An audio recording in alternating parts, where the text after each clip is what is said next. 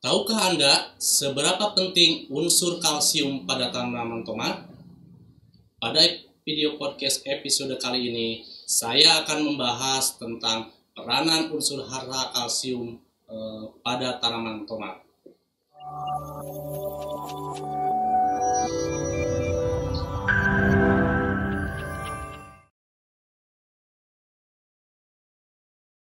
Halo, selamat datang di channel YouTube kami, NPK Mutiara TV. Di channel ini, Anda akan mendapatkan informasi dan edukasi seputar pertanian, khususnya nutrisi tanaman. Tonton video-video kami, jangan lupa like video kami, subscribe, dan pentung tanda loncengnya untuk terus mendapat update dari kami. Halo sahabat Mutiara, jumpa lagi dengan saya Yayan Wiandiana. Pada video podcast episode kali ini, saya akan membahas tentang peranan unsur hara kalsium pada tanaman tomat. Dan di sini di sini juga nanti kita akan lihat bagaimana kondisi tanaman tomat yang mengalami defisiensi unsur hara kalsium. Nah, untuk sahabat Mutiara, bila ada pertanyaan mengenai eh, tanaman tomat ataupun mengenai materi yang disampaikan pada video podcast episode kali ini, silahkan tulis uh, di kolom komentar. Uh, sekarang mari kita simak materi uh, tentang kalsium pada tanaman tomat. Sebagai hara makro sekunder, bagaimana pergerakan kalsium pada tanaman tomat? Nah, sahabat mutiara, Eh, setiap unsur hara memiliki peranannya masing-masing. Nah, di sini pemberian nutrisi yang lengkap itu dan seimbang itu sebenarnya bisa memaksimalkan uh, produksi. Ya, di sini produksi tanaman tomat akan lebih optimal bila mana semua unsur hara itu dipenuhi untuk tanaman tomat. Nah, di sini sebenarnya unsur hara itu dan peranannya seperti apa? Nah, sahabat mutiara mungkin tahu bahwa tanaman tomat itu memerlukan 12 unsur hara yang esensial. Salah satunya ada unsur hara makro dan unsur hara mikro. Nah, unsur hara makro itu kebutuhannya besar, sedangkan unsur hara mikro kebutuhannya sedikit. Nah, di sini saya akan mengulas tentang sebenarnya peranan unsur hara makro pada tanaman tomat itu seperti apa, terutama unsur hara kalsium. Nah, unsur hara makro itu ada enam unsur hara makro yang utama. Yang pertama ada nitrogen, ada fosfat, ada kalium. Itu adalah unsur hara makro primer. Kebutuhannya sangat besar. Nah, ada satu lagi unsur hara makro sekunder, yaitu kalsium, magnesium, dan sulfur. Nah, kita tahu bahwa di lapangan itu para petani ataupun sahabat mutiara ketika aplikasi pupuk itu NPK-nya itu pasti diaplikasikan. Ya, banyak sumber NPK yang e, bisa dipakai sahabat mutiara. Nah, cuman namanya unsur hara kalsium itu kadang unsur hara yang e, sering dilupakan sahabat mutiara. Nah, padahal setiap e, fase pertumbuhan tanaman mulai dari fase vegetatif, fase generatif, terus fase pas e, pematangan buah, unsur hara kalsium itu mutlak diperlukan tanaman. E, meskipun kebutuhannya itu memang tidak sebesar unsur hara makro e, yang lainnya, terutama unsur hara nitrogen, fosfat, dan kalium. Nah, sahabat mutiara bisa dilihat di slide bahwa di pembungaan, di apalagi di e, daun yang supaya daunnya lebih hijau, terus perakaran, terus buahnya lebih optimal, itu semuanya memerlukan unsur hara kalsium. Nah, sebenarnya kalsium itu apa sahabat mutiara? Nah, kalsium itu saya sebutkan di awal bahwa kalsium itu adalah unsur hara makro e, sekunder. Nah, dia memiliki peranan biasa e, kalsium itu ke bias, e, menurut satu literatur itu dia pembentukan dan perawatan dinding sel, terus pembelahan sel dan aktivator beberapa enzim. Nah, di sini kalsium itu biasanya berhubungan dengan kualitas hasil sahabat mutiara. Daya simpan produk hasil pertanian, terus kekuatan dan resti, uh, resistensi terhadap stres, lingkung, stres lingkungan dan hama penyakit. serta berperan dalam aktivitas hormon e, di tanaman. Satu lagi kalsium itu berperan dalam sistem perakaran sahabat mutiara. Jadi memang fungsi kalsium itu e, sangat penting untuk tanaman tomat sahabat mutiara. Nah, selanjutnya seperti halnya unsur hara yang lainnya, kalsium itu dia bergerak di dalam tanaman. Cuman memang beda dengan unsur hara makro lainnya. Kalau unsur hara makro primer, nitrogen, fosfat, dan kalium, dia di tanaman itu bersifat mobil. Mobil itu artinya dia e, bergerak di dalam tanaman, sahabat mutiara. Jadi ketika misalkan di daun tua e, unsur e, si daunnya gugur, biasanya unsur hara, nitrogen, fosfat, kalium itu dia didistribusikan dulu ke jaringan-jaringan yang lainnya, terutama ke, biasa ke Eh, biasanya ke tunas sahabat mutiara. Nah, saat pergerakan kalsium di dalam tanaman itu bersifat imobil sahabat mutiara. Dia e, kalsium itu diserap tanaman bersamaan dengan penyerapan air atau transpirasi. Terus kalsium itu harus kalsium yang larut dalam air yang bisa diambil oleh tanaman. Kalau dia tidak bisa larut dalam air e, dalam air, dia tidak bisa diserap oleh tanaman kalsium tidak bisa bergerak dari satu organ ke organ lain. Makanya aplikasi kalsium untuk tomat itu harus konstan di setiap fase pertumbuhan tanaman. Kalsium bersifat aimobil, ya tidak bisa didistribusikan dari daun tua ke daun yang lebih muda ataupun ke buah. Satu hal lagi yang paling penting adalah kalsium larut air itu harus konstan tersedia selama pertumbuhan tanaman dari mulai fase vegetatif, generatif, dan fase e, pembuahan itu harus selalu tersedia untuk tanaman. Nah, seperti ini sahabat mutiara ya. Selanjutnya di dalam e, middle lamella kalsium itu mengikat e, sel secara bersama-sama. Artinya antara satu sel dengan sel lain itu seperti lem sahabat mutiara. Jadi tanaman bisa lebih kokoh. Nah, seperti bisa dilihat di, di slide. Jadi kalsium itu di tanaman itu ibaratnya lem perkat.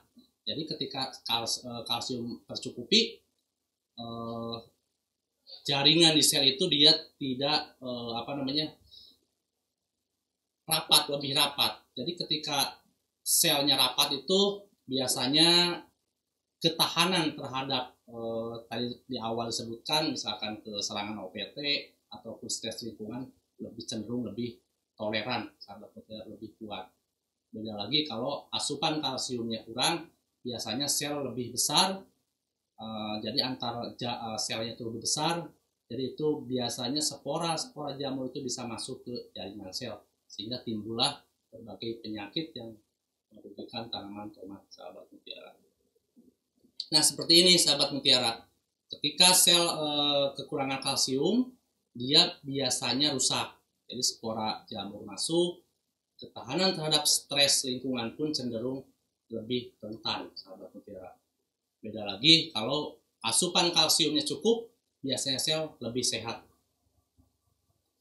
Selanjutnya, di dalam tanaman tomat, kalsium itu bergerak terutama mengikuti pola transpirasi transpirasi itu biasanya uh, dia menyerap air sahabat mutiara. Terus organ dengan transpirasi yang tinggi di dalam uh, di dalam tanaman biasanya ada di daun, di batang dan uh, ya di daun dan di batang. Biasanya kalau di daun itu dia melalui stomata, sedangkan di batang itu ada lentisel sahabat mutiara. Sedangkan di organ buah transpirasi itu cenderung lebih rendah itu kenapa sahabat mutiara mungkin bertanya kok di buah eh, apa kalsium itu bukan kalsium transpirasi itu lebih rendah. Ya karena di buah mungkin tidak ada eh, apa namanya untuk organ transpirasinya rendah sahabat mutiara. Beda sama di daun dan di batang. Nah seperti ini kadang sahabat mutiara eh, apa sih yang menyebabkan kalsium yang diserap di buah itu rendah? Yaitu salah satunya eh, dampak dari pergerakan kalsium itu sendiri. Ya kalau tadi kan saya sebutkan di awal bahwa kalsium itu dia bisa diserap tanaman melalui apa? bersama dengan transpirasi. Ya, jadi karena transpirasi di buah rendah, makanya kalsium yang ada di buah pun cenderung lebih rendah.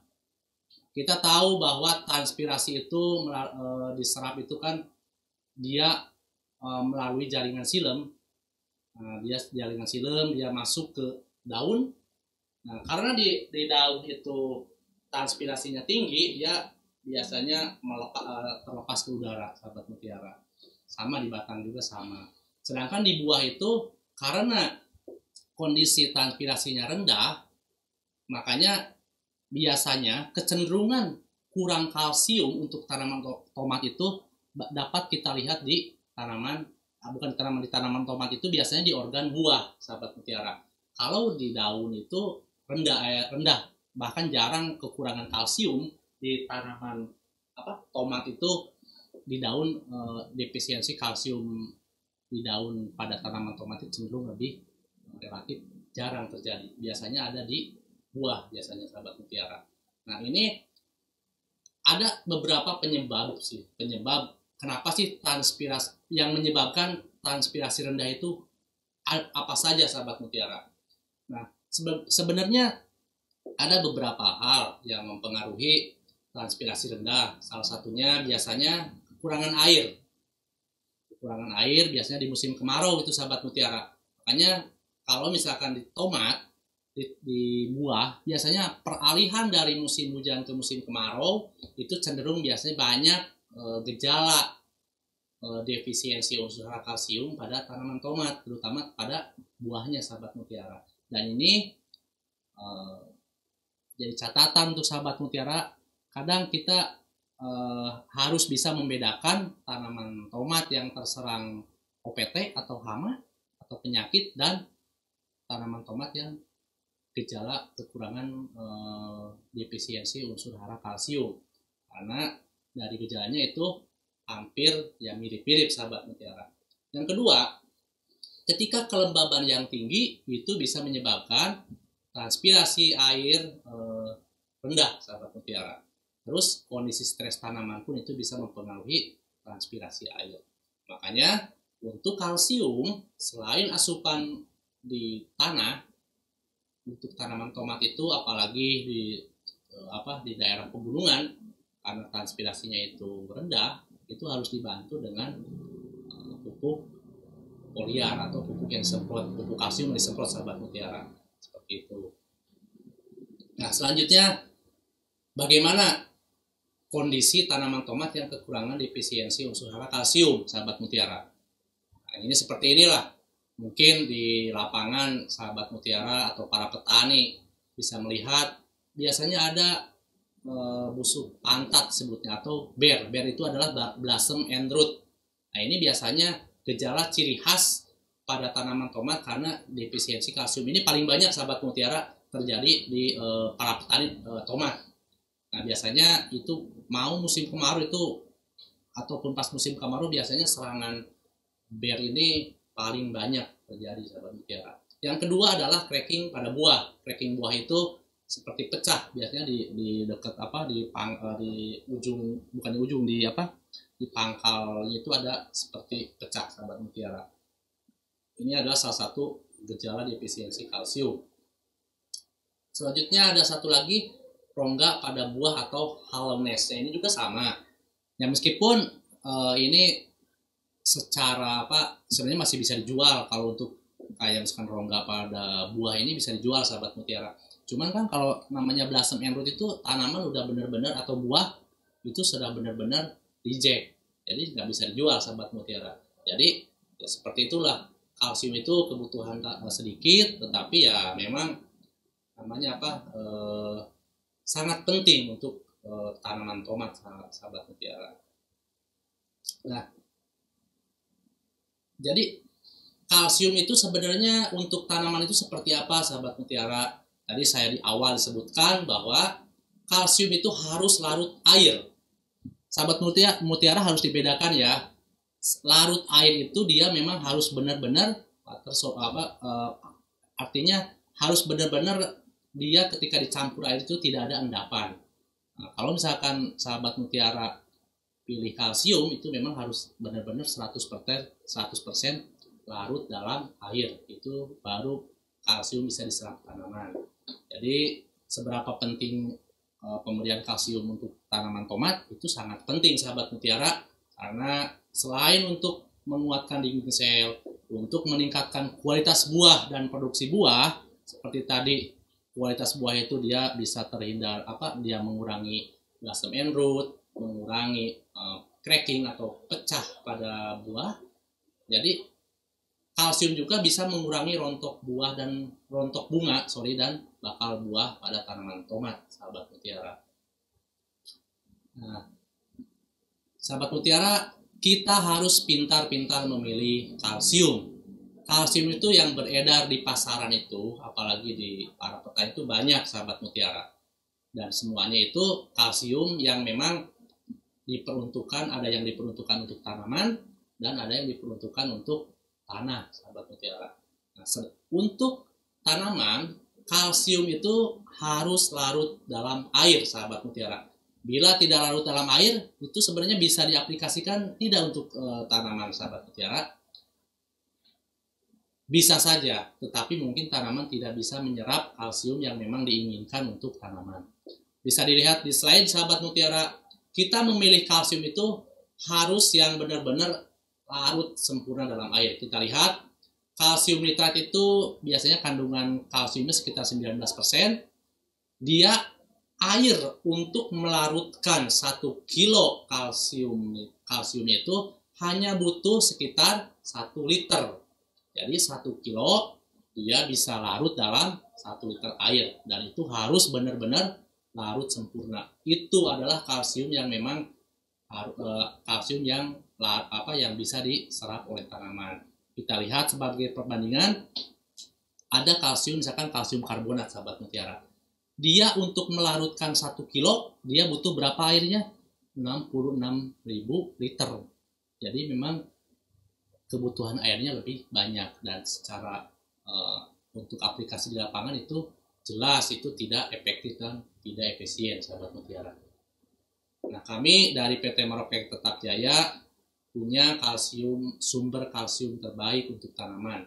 Ada kalsium yang aplikasinya untuk di kocor atau untuk aplikasi di tanah. Yang kedua untuk di semprot atau foliar. Kalau untuk di apa di kocor atau peramburan kita punya namanya karate plus boroni. Sahabat mutiara bisa lihat kandungan kalsiumnya sekitar, sekitar 18 persenan. Terus dia ada nitrogen juga, nitrogen nitrat ya. Terus ada boron juga. Perpaduan kalsium dan boron itu sangat bagus untuk fleksibilitas sel jaringan tanaman. Jadi tanaman bisa lebih kuat dan bisa uh, apa namanya bisa meminimalisir uh, serangan-serangan apa uh, spora, uh, meminimalisir spora-spora yang masuk karena selnya cenderung lebih rapat kalau kita aplikasikan karate plus boroninya secara seimbang sahabat bicara dan tepat dosis. Yang kedua ada Maroke kalnit. Nah kalau ini sama, ini juga sumber kalsium uh, yang water soluble ini ya. Jadi ini biasanya dipakai untuk foliar atau semprot ataupun untuk biasanya untuk uh, hidroponik sahabat mutiara. Nah, saya ulang sekali lagi bahwa uh, berat itu sekitar 1,1 kilo per liter. Nah, jadi kalau tadi kan uh, di tabel itu satu kilo untuk satu liter air sama ini kali itu sama jadi dia untuk poliar itu ini water soluble jadi selain apa selain ada kandungan nitrogen di kalit juga ada kandungan kalsiumnya sekitar 18, ya 18 persenan sahabat mutiara.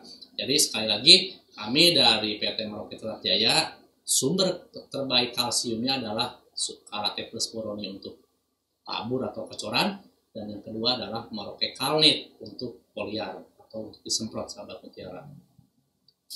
Sahabat mutiara, eh, bila eh, informasi-informasi eh, seputar pertanian sebenarnya kami ada di medsos. Jadi sahabat mutiara bisa pantau terus media sosial kami. Sini ada channel uh, YouTube kami di NPK Mutiara TV. Jadi silakan sahabat Mutiara di subscribe dan uh, dipentung tanda loncengnya supaya sahabat Mutiara bisa mendapatkan uh, apa, video yang lebih update. Yang kedua di komunitas uh, di Telegram juga kami ada komunitas NPK Mutiara. Jadi di sana sahabat Mutiara silakan uh, gabung. Jadi di sana ada diskusi-diskusi seputar pertanian sahabat Mutiara. Selanjutnya ada di web juga, jadi silakan kunjungi di npkmutiara.com sana di sana juga lebih lengkap jadi sahabat mutiara bisa lebih apa lebih tahu informasi yang lebih detail tentang produk-produk kami. Selanjutnya ada di Facebook Meroke Tetap Jaya. Silahkan di like Facebook kami Meroke Tetap Jaya. Dan satu lagi ada akun Instagram kami silahkan di follow di Meroke Tetap Jaya. Jadi sahabat mutiara Begitu pentingnya unsur kalsium untuk tanaman tomat. Nah, tentu ini sahabat mutiara di lapangan itu penuhilah kebutuhan unsur hara kalsium ini di setiap fase pertumbuhan tanaman tomat dari mulai fase vegetatif sampai fase generatif dan fase pembuahan. Karena ketika nanti unsur hara kalsiumnya tidak ter, sepenuhnya terpenuhi, tentu masalah-masalah seperti blasemen root, terus e, rongga pecah pada buah ataupun rongga tanaman apa buah tomat yang berongga itu pasti terjadi pada tanaman tomat sahabat mutiara. Dan saya eh, saya ingatkan bahwa gejala-gejala yang tadi itu sebenarnya itu bukan penyakit ya sahabat mutiara. Jadi nanti ketika ada gejala seperti itu sahabat mutiara harus cepat respon bahwa tanaman tomat ini adalah salah satunya gejala kekurangan unsur hara kalsium. Nah, tentu kalau misalkan ada gejala-gejala seperti itu, ada belasem enrut dan lain-lain yang tadi sahabat mutiara, secara ekonomi itu nanti sahabat mutiara akan mengurangi produksi. Tentu kalau produksi berkurang itu kan merugikan para uh, petani terutama yang menanam tanaman tomat sahabat mutiara. Oke, sahabat mutiara, uh, demikianlah presentasi uh, video podcast pada episode kali ini dan Jangan lupa bila uh, video podcast ini bermanfaat, silahkan share sebanyak-banyaknya di media sosial sahabat mutiara supaya ini menjadi motivasi kami ke depannya untuk bisa memproduksi video-video edukasi yang lainnya selain tanaman tomat tentunya sahabat mutiara. Uh, Oke, okay, sahabat mutiara, uh, jangan lupa juga nanti kami ada channel, jadi ada channel NPK Mutiara TV di YouTube ya sahabat mutiara.